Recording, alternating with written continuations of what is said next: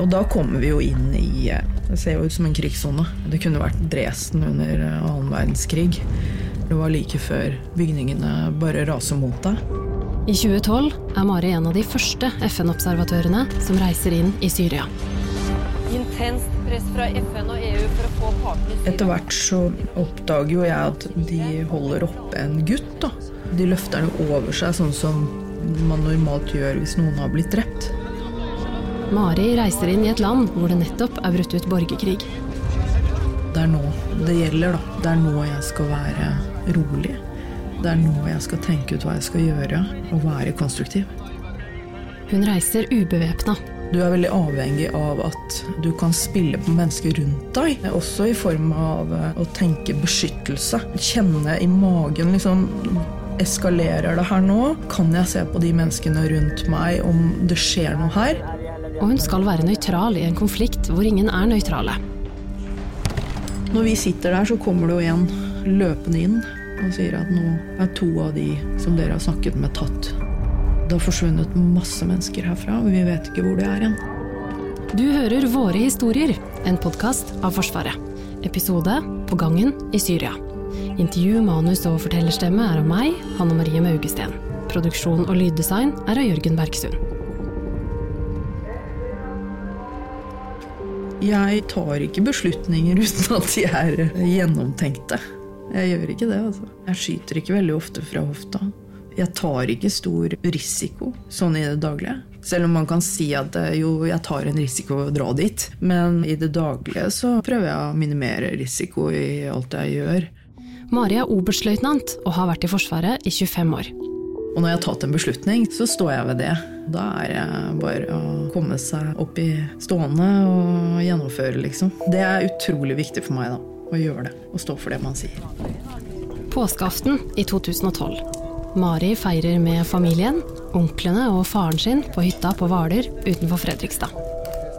Det å trå utafor den der komfortsonen, det har vært utrolig viktig for meg da. Å trå ut og utsette deg for erfaring, da. Ny erfaring. Og så se at du kan spille på det videre i karrieren din. Da. Du slipper alle disse tankene man hadde når man var yngre. 'Jeg er ikke bra nok. Jeg er ikke flink nok. Er det noen som vil høre på meg?' De tankene har jeg på en måte lagt bak meg, og det er så befriende. da. Mari har vært i Afghanistan og Libanon tidligere. Det bygde meg jo opp til å bli så selvstendig at man kan gå inn i jeg håper å si nesten hvilken som helst situasjon og tenke at du vil alltid ha en eller annen erfaring med deg som gjør at du vil beherske den situasjonen. Etter at jeg hadde vært i Afghanistan nå, så fikk jeg jo en spesiell interesse for konflikter og sikkerhet. Og syntes at temaene var superviktig og veldig spennende. Så jeg fikk jo en veldig interesse for statsvitenskap. Nå er hun hjemme på perm. Det siste året har hun vært utstasjonert i Libanon gjennom FN-misjonen der, hvor Norge har hatt styrker siden 80-tallet. Å være i et miljø hvor det er veldig mange optimister og driv, da blomstrer jo jeg. Det må være litt sånn driv og motivasjon og muligheter. Det er tidlig formiddag, og mens påskelammet tilberedes inne på hytta, så er Mari ute og går en tur. FH ringer jo da var det halv ti på formiddagen og sier til meg at Mari ønsker at du drar til Syria. FOH er Forsvarets operative hovedkvarter. Det er de som styrer alle operasjonene i Forsvaret, både i Norge og i utlandet. Du kan se på det som regi- og kontrollrommet til hele Forsvaret. Og så sier jeg det at hva er det dere tenker at jeg skal gjøre der? Eh, Nei, vi ønsker at du skal være observatør, og etter hvert så vil jo mest sannsynlig Robert Mood komme ned og lede misjonen. Og så sa jeg hvor lang betenkningstid har jeg? Nei, det har fram til halv åtte i kveld. Den kvelden snakker Mari med familien sin. Noen av onklene mine er jo vittige og fine, og så sier de Mari, kanskje du møter Kofi Annan og hele pakka, liksom. Nå skjer det noe her. Dette er jo spennende. Samtidig så tenkte jeg jo at når jeg var i Libanon, så så jeg litt hva som skjedde i Syria, og det var ikke veldig hyggelig. Og så tenkte jeg at jeg har egentlig ikke lyst til å sette mine ben i Syria. På den andre siden så tenkte jeg at uh, fy flaten, dette er, er litt sånn once in a lifetime opportunity. Hvor jeg kan være en del av det som skjer ute i verden. Tenker at uh, nå skal jeg være en del av noe stort som er viktig. Men faren til Mari er ikke fullt så spøkefull som onklene. Når vi snakket om på hytta at jeg skulle til Syria, så var jo han ganske stille, da. Jeg vet jo at det ligger en bekymring der også hos han, selvfølgelig. Uten at han sier det. For jeg tenker at han vil jo ikke legge noe bånd på meg. Klokka nærmer seg halv åtte, og Mari ringer tilbake til FOH med svaret sitt. Og så sier jeg nå har slektsrådet talt, sa jeg. Nå har eh, de bestemt at jeg skal reise til Syria, sa jeg. Svaret Mari får, er litt formelt og høytidelig.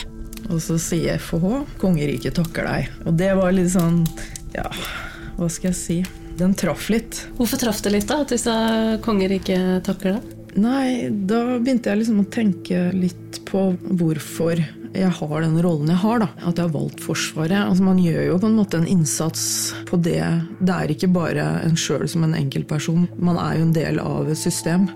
I tillegg til utdanning fra militær stabsskole, så har Mari også en mastergrad i konfliktsikkerhet og flerkulturell kommunikasjon.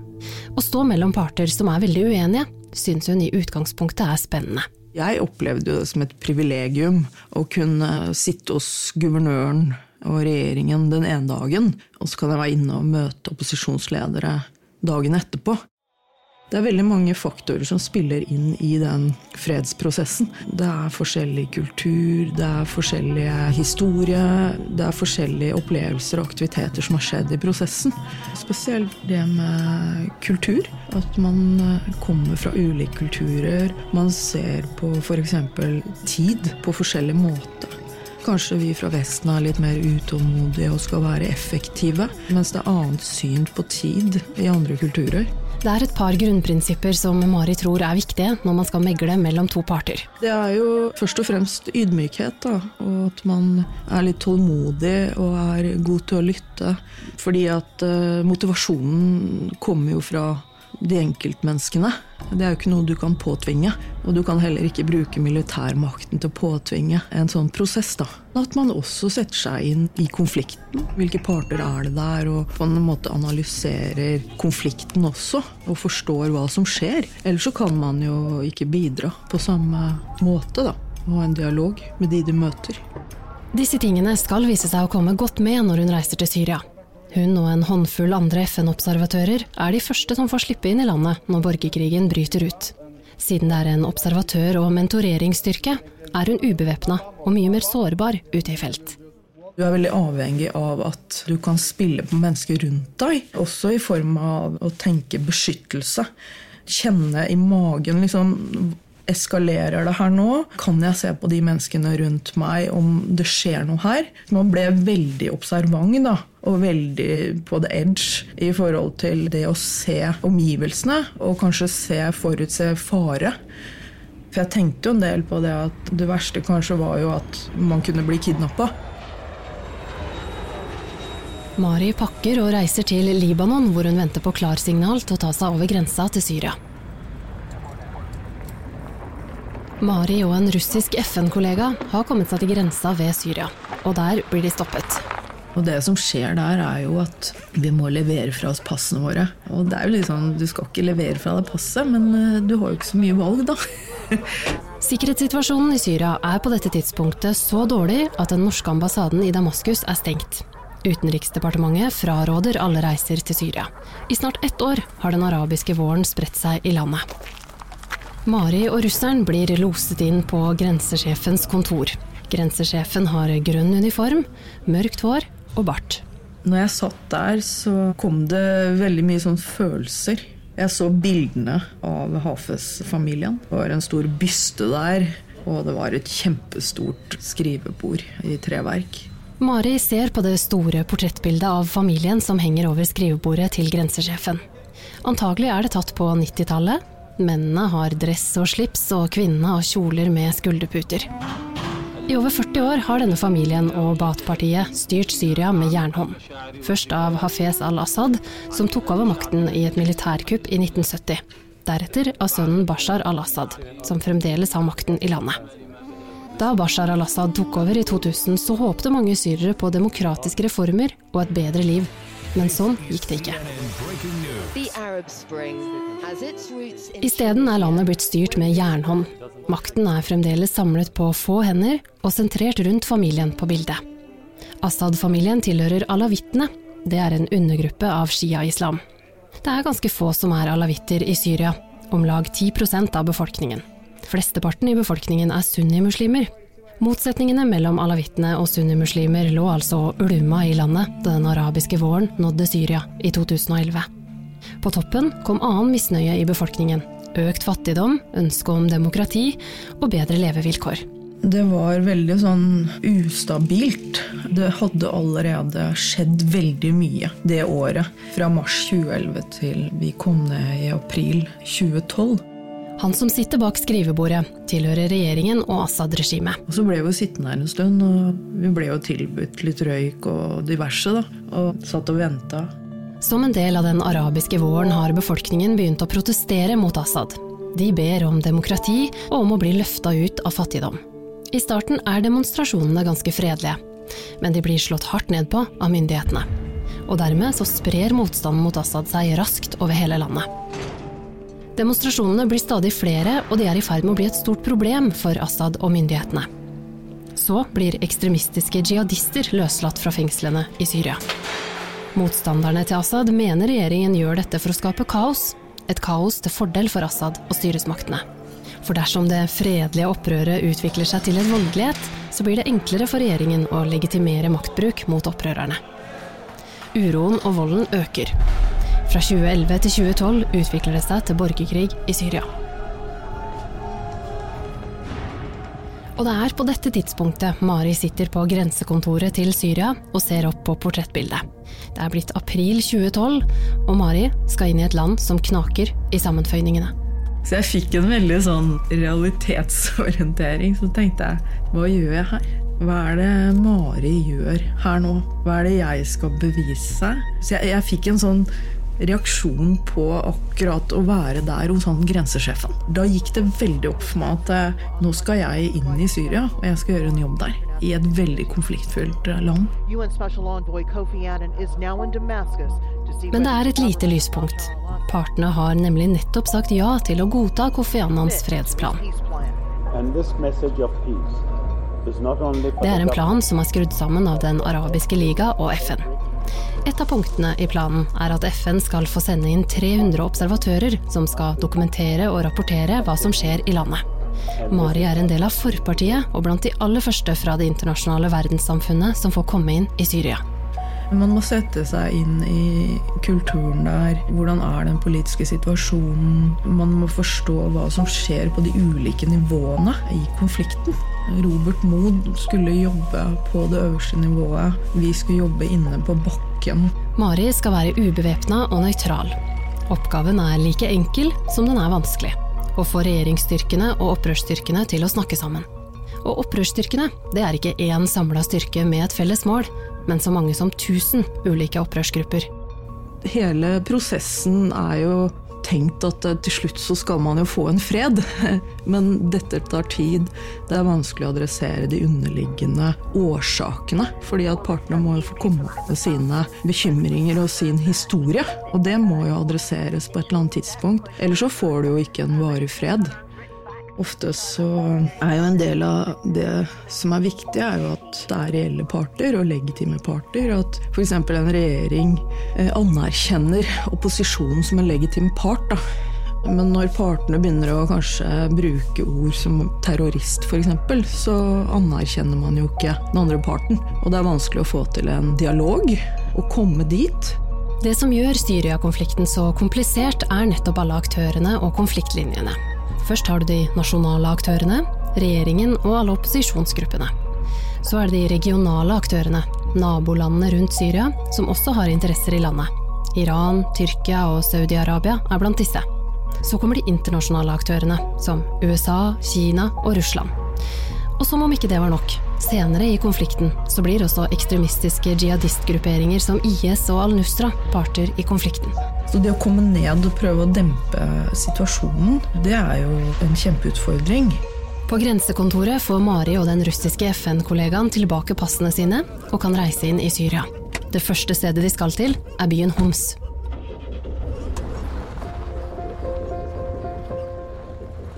Når vi dro dit, så var jo planen at vi skulle inn og møte guvernøren først. Og så skulle vi inn til opposisjonen. Det skal vise seg at Homs er en av byene som har blitt rammet spesielt hardt av borgerkrigen. Før herjingene så var dette Syrias tredje største by. I utgangspunktet så skal det være våpenhvile i byen, men Mari er usikker på om det faktisk kommer til å være det når de begynner å kjøre innover mot byen. Da gikk jeg inn i en veldig sånn usikker eh, situasjon hvor jeg tenkte at det, det kan skje noe. Så jeg forberedte meg egentlig på det, at noe kunne skje. De har en avtale med en av opposisjonslederne, men ellers så vet de lite om hva som kan møte dem. De har f.eks. ikke hatt noen etterretningsstyrker inne først. Det er Mari som kjører bilen. Den er pansra, men hun er likevel redd for at de skal kjøre på noen sprenglegemer. Ingen av FN-observatørene i følge har våpen.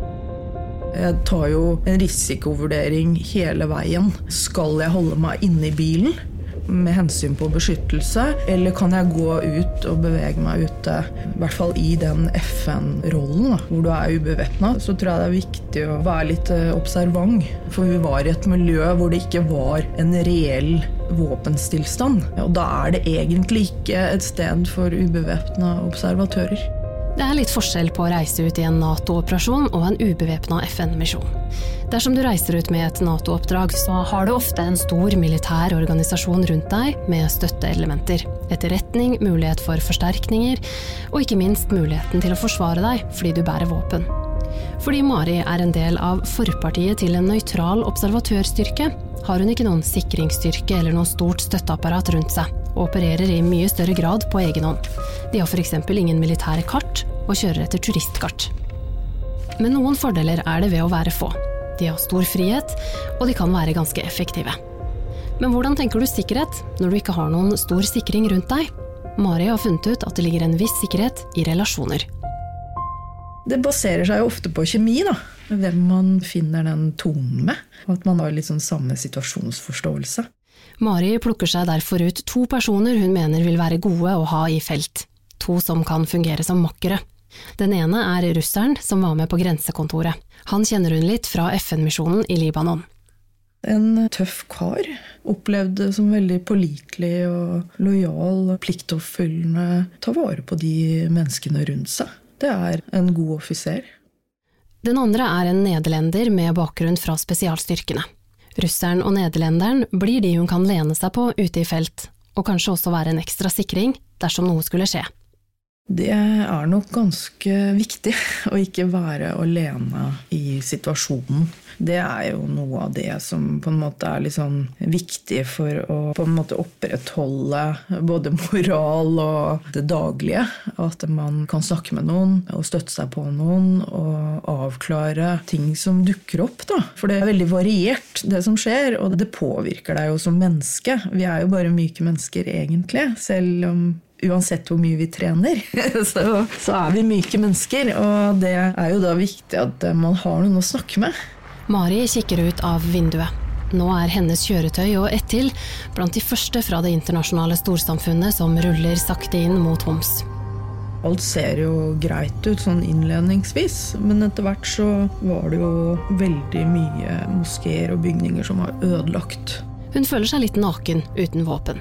Når du er bevæpna, så er du på en måte en del av konfliktbildet. Du er en part i konflikten, og du kan bruke militærmakten. Ikke sant? Du kan forsvare deg. Så det er en helt annen misjon enn det å dra ut som ubevæpnet FN-observatør. Du skal jo sjonglere mellom opposisjonsledere og guvernører i byene og prøve å få de til å møtes. Du skal være en mediator, en konfliktløser og en part som skal deeskalere. Målet til Mari og de andre observatørene er å dokumentere det som skjer, og forsøke å få regjeringsstyrkene og opprørerne til å prate sammen. Men hvor glade partene er for å få FN på besøk, det varierer. De så litt på oss som sånn Endelig, nå kommer FN. Nå kommer det noe hjelp. Samtidig så kunne man også oppleve at da fikk opposisjonen en glød og ønsket å vise oss hva regjeringsstyrkene hadde gjort for noe. Og da kunne det også faktisk bidra til eskalering i enkelte situasjoner. Bilen til Mari snirkler seg innover mot bykjernen i Homs. Et godt stykke på veien blir de fulgt av regjeringsstyrker, altså de som er på Assad sin side. Så kommer inn i områder som du ser at det har vært veldig mye kamper. Det er ikke noen mennesker der. Da forlater jo regjeringen oss, og så kjører vi alene inn i buffersonen. Buffersona er et slags ingenmannsland. Området mellom de to partene hvor verken regjeringsstyrkene eller opprørerne har kontroll. I buffersona så kan du ha begge partene. Du har snipere, du har opposisjon. Så den sonen er eh, Det er jo en ustabilitet der. Bilen kjører gjennom buffersona og inn mot opposisjonens område. Og da kommer vi jo inn i eh, Det ser jo ut som en krigssone. Det kunne vært Dresden under eh, annen verdenskrig. Bygningene og takene hang jo nedover. Det var like før bygningene bare raser mot deg. Det var masse bygningsrester, glass, metall, utbrente biler i den sonen. Så det var veldig sånn utfordrende å begynne å kjøre inn der. Så jeg var sånn Jeg håper ikke jeg treffer noe. Jeg vet ikke hvor sikkert det er å kjøre inn her nå. Fra bilvinduet ser hun at folk peker på bilen deres og begynner å løpe fra hus til hus. Nå begynner jungeltelegrafen å gå, tenker Mari. Og så kommer det en som vinker til oss. Denne retningen. Så de fører oss inn i det dypeste av Homs, da. Etter hvert er bilen til Mari framme i området hvor opprørerne har kontroll. Bygningene rundt henne er sønderbomba. Det blir litt sånn eh, fotpatrulje i området der. Det er bare glass, og du tråkker på alt mulig. Og det er veldig usikkert i forhold til de høye bygningene som er eh, bomba. Og da møter vi jo folk.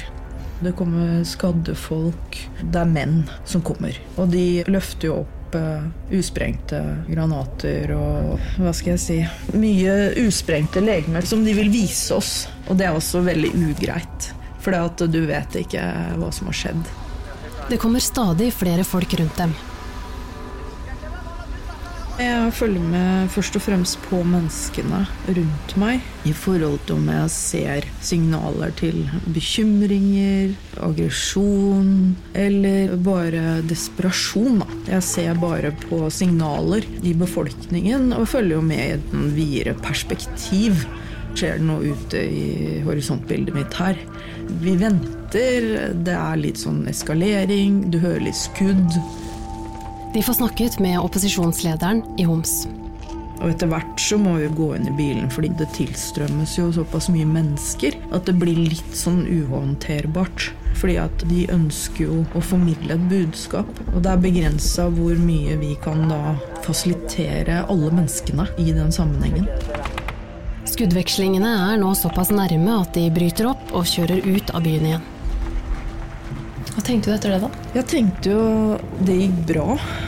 Vi fikk snakket med opposisjonslederne og fikk en situasjonsforståelse. Da har du allerede bygd deg én erfaring, da. Du er en erfaring rikere. Og så tar du med deg det inn i neste. Og så begynner det bare å gli, liksom. Vi reiser ut, og så vet du ikke hva du møter. Du håndterer situasjonen så best du kan, og så drar man ut igjen. Fredsplanen til Kofi Annan, også kjent som sekspunktsplanen, innebærer bl.a. at FN-observatørene skal få bevege seg fritt i landet. Partene forplikter seg også til å overholde våpenhvilen og sørge for at humanitær hjelp kommer fram. Fredfulle demonstrasjoner skal ikke straffes, og folk som er fengsla av politiske grunner, skal frigis. Um, Oppgavene går jo i hovedsak på å forsøke å være en påvirker til å implementere fredsplanen til Kofi Annan. Det er jo det vi ønsker å få til, at den situasjonen deeskalerer. Man slutter å bruke makt på befolkningen. Man legger ned våpenet, og så møtes man til bordet. Det er jo det vi skulle forsøke å få til. Turen inn til Homs blir et vendepunkt for Mari. Til tross for lovnaden om å legge ned våpnene, melder BBC om kraftig rakettbeskytning i Homs. Forholdene på bakken er ganske annerledes enn det man kan få inntrykk av gjennom avtalen. Mari begynner å lure på om de har kommet for sent. Men du kan si at når man møter partene, så er de, det er så mye vondt som har skjedd. Da. Og det har kommet så langt at man begynner å demonisere hverandre og kalle hverandre terrorister. Og da er det veldig vanskelig å prøve å komme inn i en ny retning. Da går konflikten i det løpet som også teorien sier. Da er man i gang. Man er allerede kommet så langt at man kan ikke snu utviklingen. Da. Og det høres kanskje litt demotiverende ut. For hva er vitsen med å prøve, hvis det allerede er for sent? Jeg begynte å tenke hvor mange mennesker kan jeg påvirke i løpet av én dag?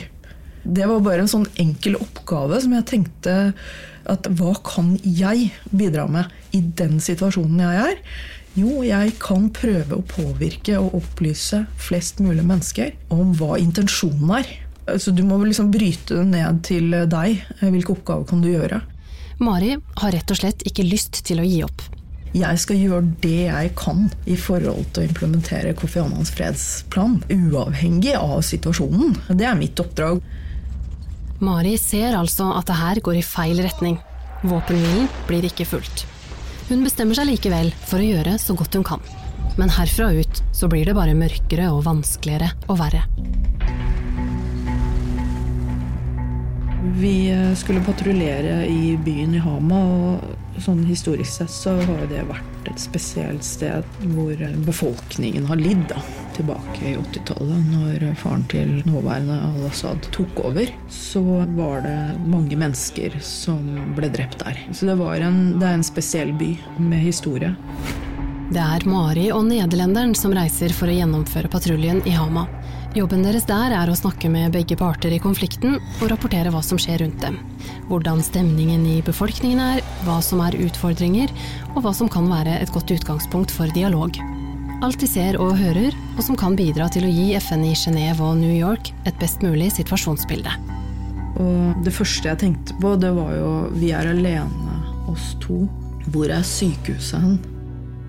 I tillegg til usikkerhetsmomentet tenker Mari og nederlenderen at de kanskje kan få informasjon fra legene om hva som skjer i området, siden de tar imot de skadde. Det er to sykehus i Hama, og der fortelles to ulike historier. Så vi dro på besøk til sykehuset. Regjeringens sykehus og kall det det andre lokale sykehuset. Og det var jo helt forskjellige opplevelser.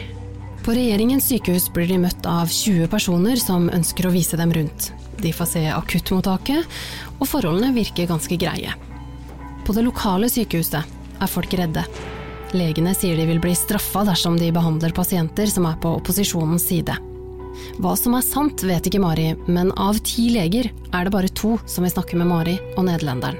De legene sa jo at han ene hadde allerede sittet fengsla, så han var jo villig til å ta den risikoen og snakke med oss og fortelle hva som skjer, da.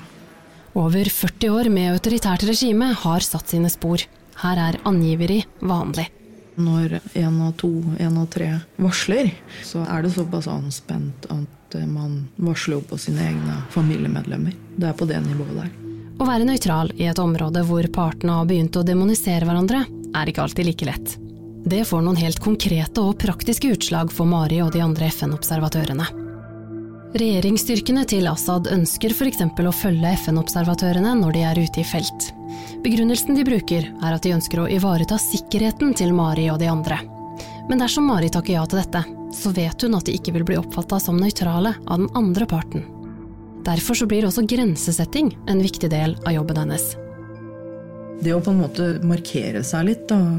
På et tidspunkt så må du også si at vet du hva, nå er det litt nei. Sånn skal vi ha det. Og sette litt sånn rammer da, for det som skjer. Det er jo å ta ansvar og ledelse også, og sette noen rammer. Mari og nederlenderen får dermed etter hvert lov til å bevege seg alene rundt i Hama. Og så gikk vi inn på markedsområdet. Og da flokket jo mennesker seg rundt oss med en gang og ville fortelle hva som skjedde.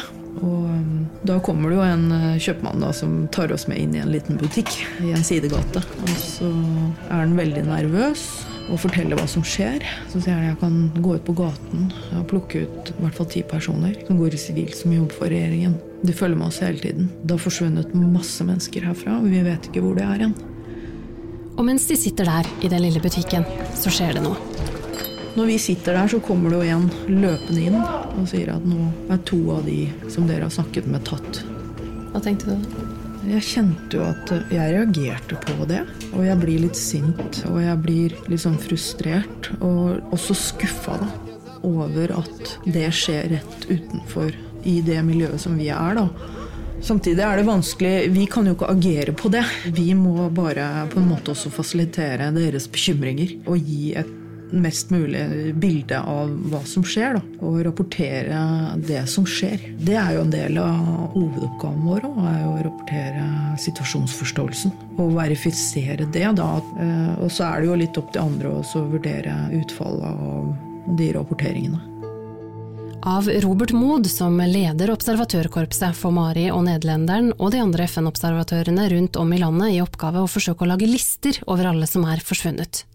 Da kommer de med bilder av sine familiemedlemmer, og det er jo også vanskelig å se det. Det er Flere av de vi møtte, hadde jo allerede sittet inne, og mange var redde for å bli fengsla.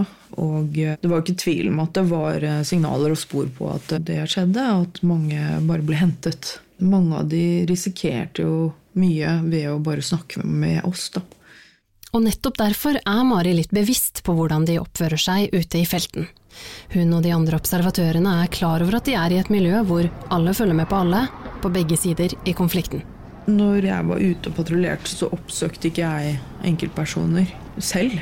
Jeg var til stede. Så de som ønsket å snakke med oss, de gjorde det. Og ære være de for det. For det kan få store konsekvenser for noen mennesker å, å gjøre det. Da, men samtidig, hvis ikke vi kunne snakke med befolkninga, så ville vi jo heller ikke fått en situasjonsforståelse. Så vi var jo nødt til det. Situasjonene rundt Mari og FN-observatørene eskalerer stadig og raskt. De har vært i landet i to måneder når de havner i en hendelse hun husker spesielt godt.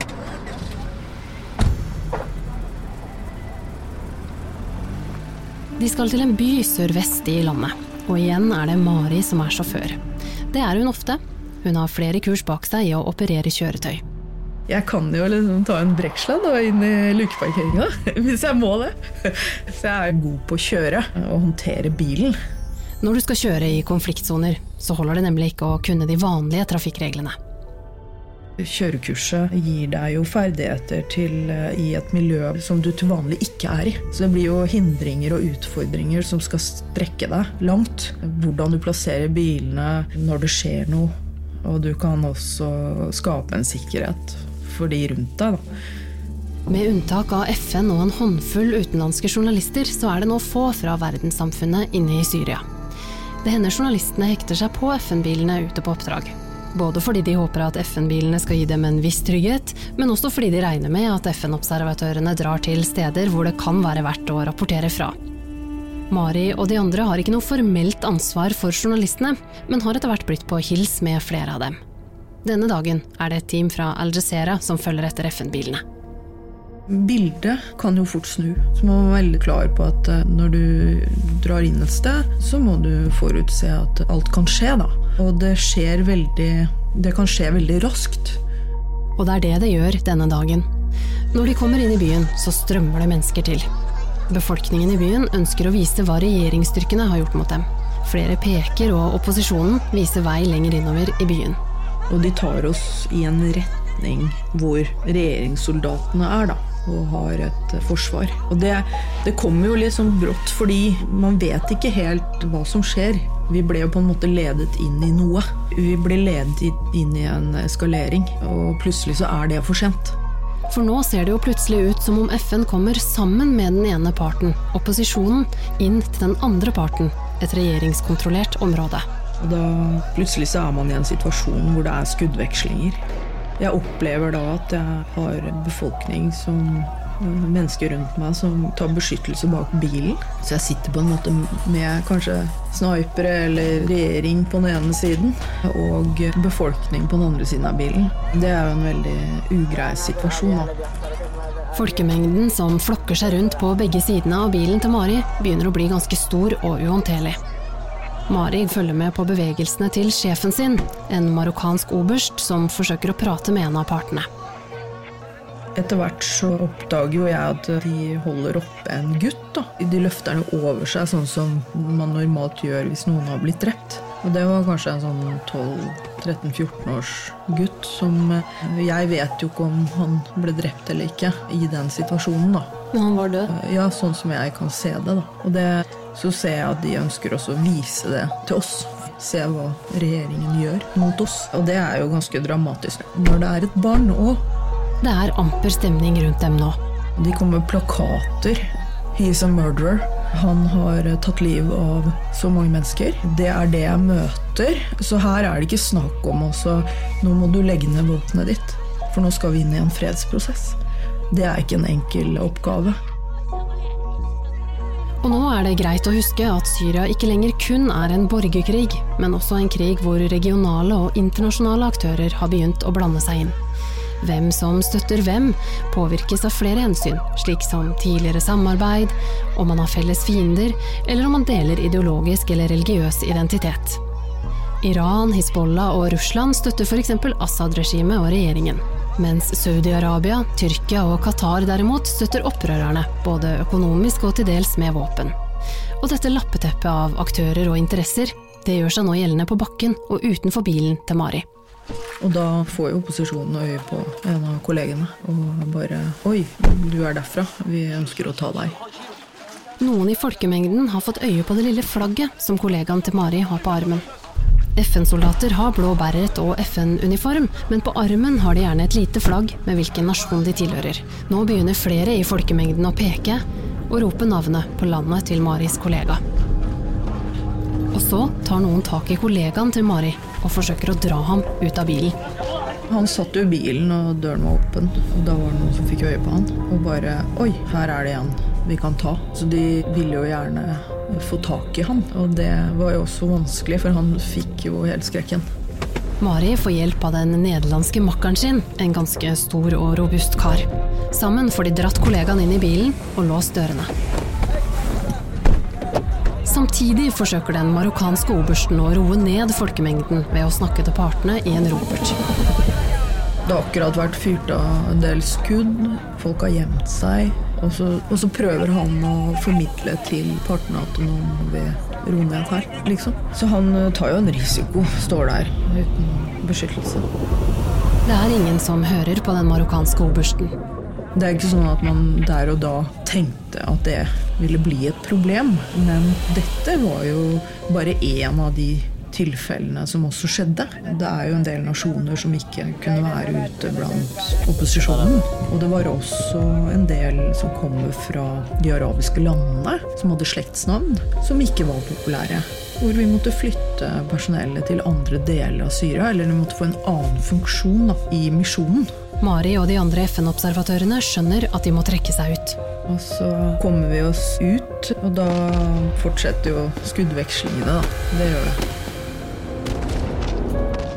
Når de har kommet et stykke unna, ser Mari i bakspeilet. De mangler noen. Bilen med journalistene er vekk. Og de kjører jo ikke i en pansra bil heller. En Passat eller et eller annet sånt noe. Så sier jeg at nå bør vi jo liksom sørge for at de er med. Mari har listene med alle de forsvunne menneskene i bakhodet. Dessuten, en av punktene i Kofi Annans sekspunktsplan er nettopp at journalister skal kunne bevege seg fritt rundt i landet.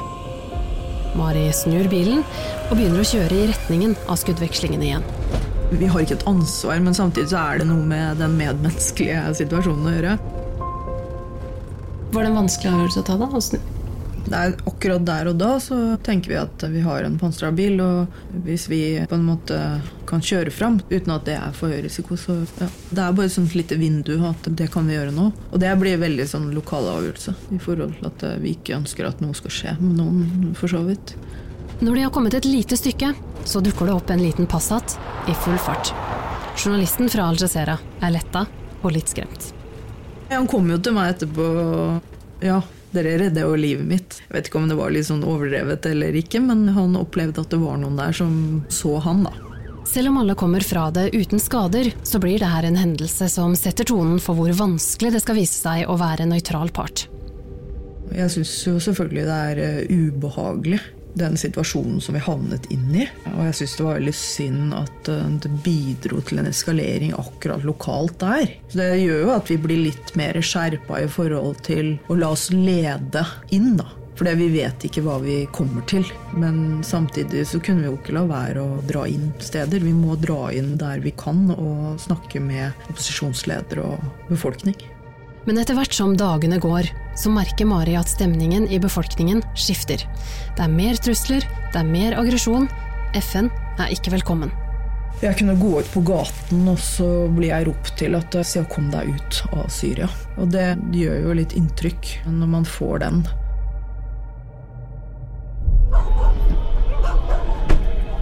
Noen uker senere er Mari og nederlenderen tilbake i Hama. Det er bare de to, og det er urolig i byen.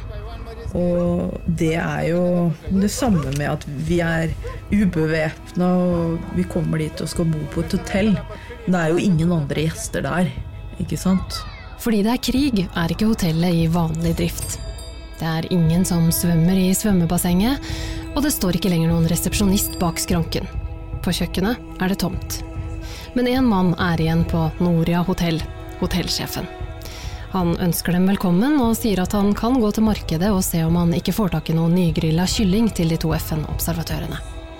Det vi opplever, er jo at det er med en gang mørket faller på, så kommer skuddvekslingene.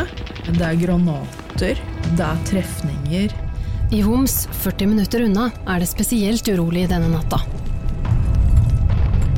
På det verste så ble det jo rapportert opptil 600 nedslag i løpet av en natt. Og da er det ikke en situasjon for observatører.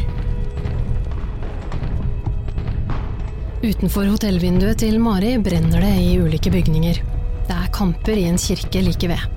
Så på et tidspunkt så kjente jeg at det er ugreit å være inne på hotellrommet. For jeg vet ikke om ruta går, eller hva som detter inn det der vinduet. Mari plukker opp iPhonen og begynner å filme. Her hører du lydopptaket fra mobilen.